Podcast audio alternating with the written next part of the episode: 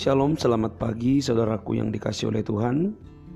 Mari saya mengajak kita kembali untuk menyediakan waktu kita untuk merenungkan firman Tuhan dan menyediakan waktu kita untuk berdoa secara pribadi sebelum kita melaksanakan aktivitas kita hari ini. Mari kita buka Alkitab kita dari Yohanes 17 ayatnya yang ke-17. Yohanes 17 ayatnya yang ke-17 Firman Tuhan berbunyi, Kuduskanlah mereka dalam kebenaran, firman-Mu adalah kebenaran. Kuduskanlah mereka dalam kebenaran, firman-Mu adalah kebenaran. Jika sang kebenaran ada di dalam hati, dan jika kebenaran menguasai hati, dan jika hidup dalam kebenaran, itulah yang memungkinkan seseorang bertindak dalam kebenaran. Kalimat ini menarik untuk kita renungkan.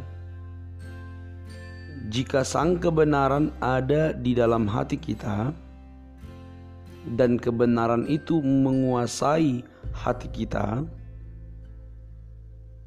dan jika kita hidup dalam kebenaran,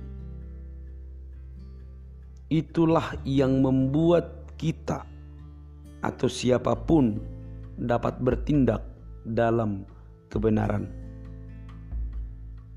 Saudaraku yang dikasih oleh Tuhan, Wanda Johnson, seorang ibu tunggal dengan lima anak, sedang dalam perjalanan menuju tempat pengadaian.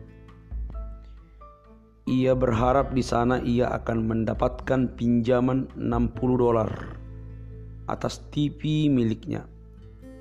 Kemudian terjadilah sesuatu yang sangat aneh. Sewaktu truk berlapis baja yang penuh dengan kantong uang berjalan melintasinya. Pintu samping truk itu terbuka dan jatuhlah sekantong uang ke jalan. Wanda berhenti dan memungut kantong uang itu. Ketika ia menghitung uang di dalam kantong, ternyata jumlahnya sebanyak 160 ribu dolar. Pertentangan batin berkecamuk dalam jiwanya. Ia dapat menggunakan uang itu untuk melunasi semua tagihannya dan memenuhi semua kebutuhan anak-anaknya. Tetapi uang itu bukan miliknya. Setelah empat jam bergumul hebat dengan keyakinan moralnya, Wanda menelepon polisi dan mengembalikan uang itu.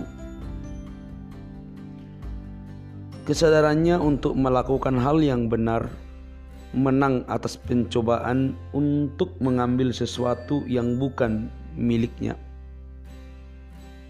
kesadaran untuk melakukan hal yang benar, menang atas pencobaan untuk mengambil sesuatu yang bukan miliknya.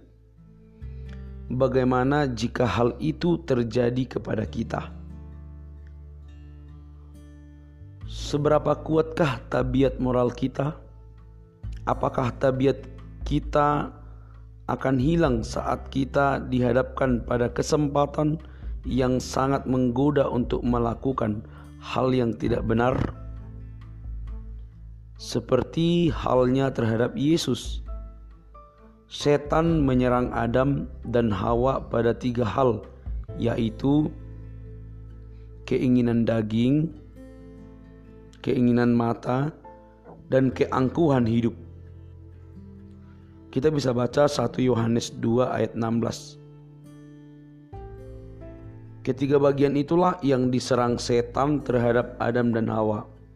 Keinginan daging, keinginan mata, dan keangkuhan hidup. Nenek moyang kita yang pertama kalah dalam menghadapi bujukan ular dalam kejadian 3 ayat yang pertama sampai ayat yang keenam. Tetapi Yesus tidak. Kalau kita baca Matius 4 ayat 1 sampai 11. Saudaraku yang dikasih oleh Tuhan, hal ini mengingatkan kita apa pun yang sedang iblis lakukan untuk menekan kita, marilah kita ikuti teladan Yesus dan melakukan tindakan yang benar. Marilah mengikuti teladan Yesus dan melakukan tindakan yang benar. Saudaraku yang dikasih oleh Tuhan, untuk melawan pencobaan, berdirilah bersama Kristus, setia kepada firman Allah. Saya ulangi kalimat ini: untuk melawan pencobaan, berdirilah bersama Kristus, setia kepada firman Allah. Mari berjuang untuk melawan segala tipu muslihat iblis dan pencobaan yang selalu ditawarkan kepada kita. Tuhan memberkati, selamat beraktivitas untuk kita semua.